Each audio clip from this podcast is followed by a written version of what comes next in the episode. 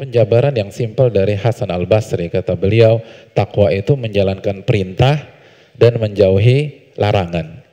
Ada definisi yang lebih detail dan ini direkomendasikan banyak para ulama seperti definisi Talak bin Al-Habib, an ta'mala bi ta'atillah ala nurin minallah tarju thawabah wa an ma'siyatallah ala nurin minallah takhafa iqabah engkau mengerjakan ketaatan kepada Allah di atas ilmu atau cahaya Allah karena tak karena berharap akan pahala dari Allah.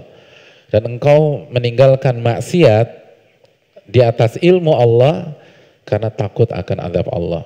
Intinya sama menjalankan perintah dan menjauhi larangan. Itu ketakwaan. Pertanyaannya kapan seseorang rela diperintah-perintah dan dilarang-larang pada saat dia merasa kecil, pada saat dia merasa bodoh, pada saat dia merasa kerdil, pada saat dia merasa rendah, pada saat itulah dia mau diperintah dan mau dilarang. Seorang Meijen misalnya, Meijen bintang berapa?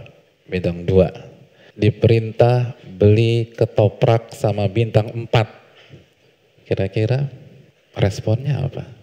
Siap dan, Masya Allah. Cabainya dua, dua per tiga. Siap dan. Tapi antum yang beli sendiri, jangan suruh ajudan. Siap dan. Pas beli ke tukang ketoprak, ketemu kopral. Mau beli apa dan? Boleh nitip sekalian enggak? Kira-kira siap dan lagi? Enggak. Begitu juga dengan dunia ilmu hadirin. Ini yang sering dilupakan sama kita.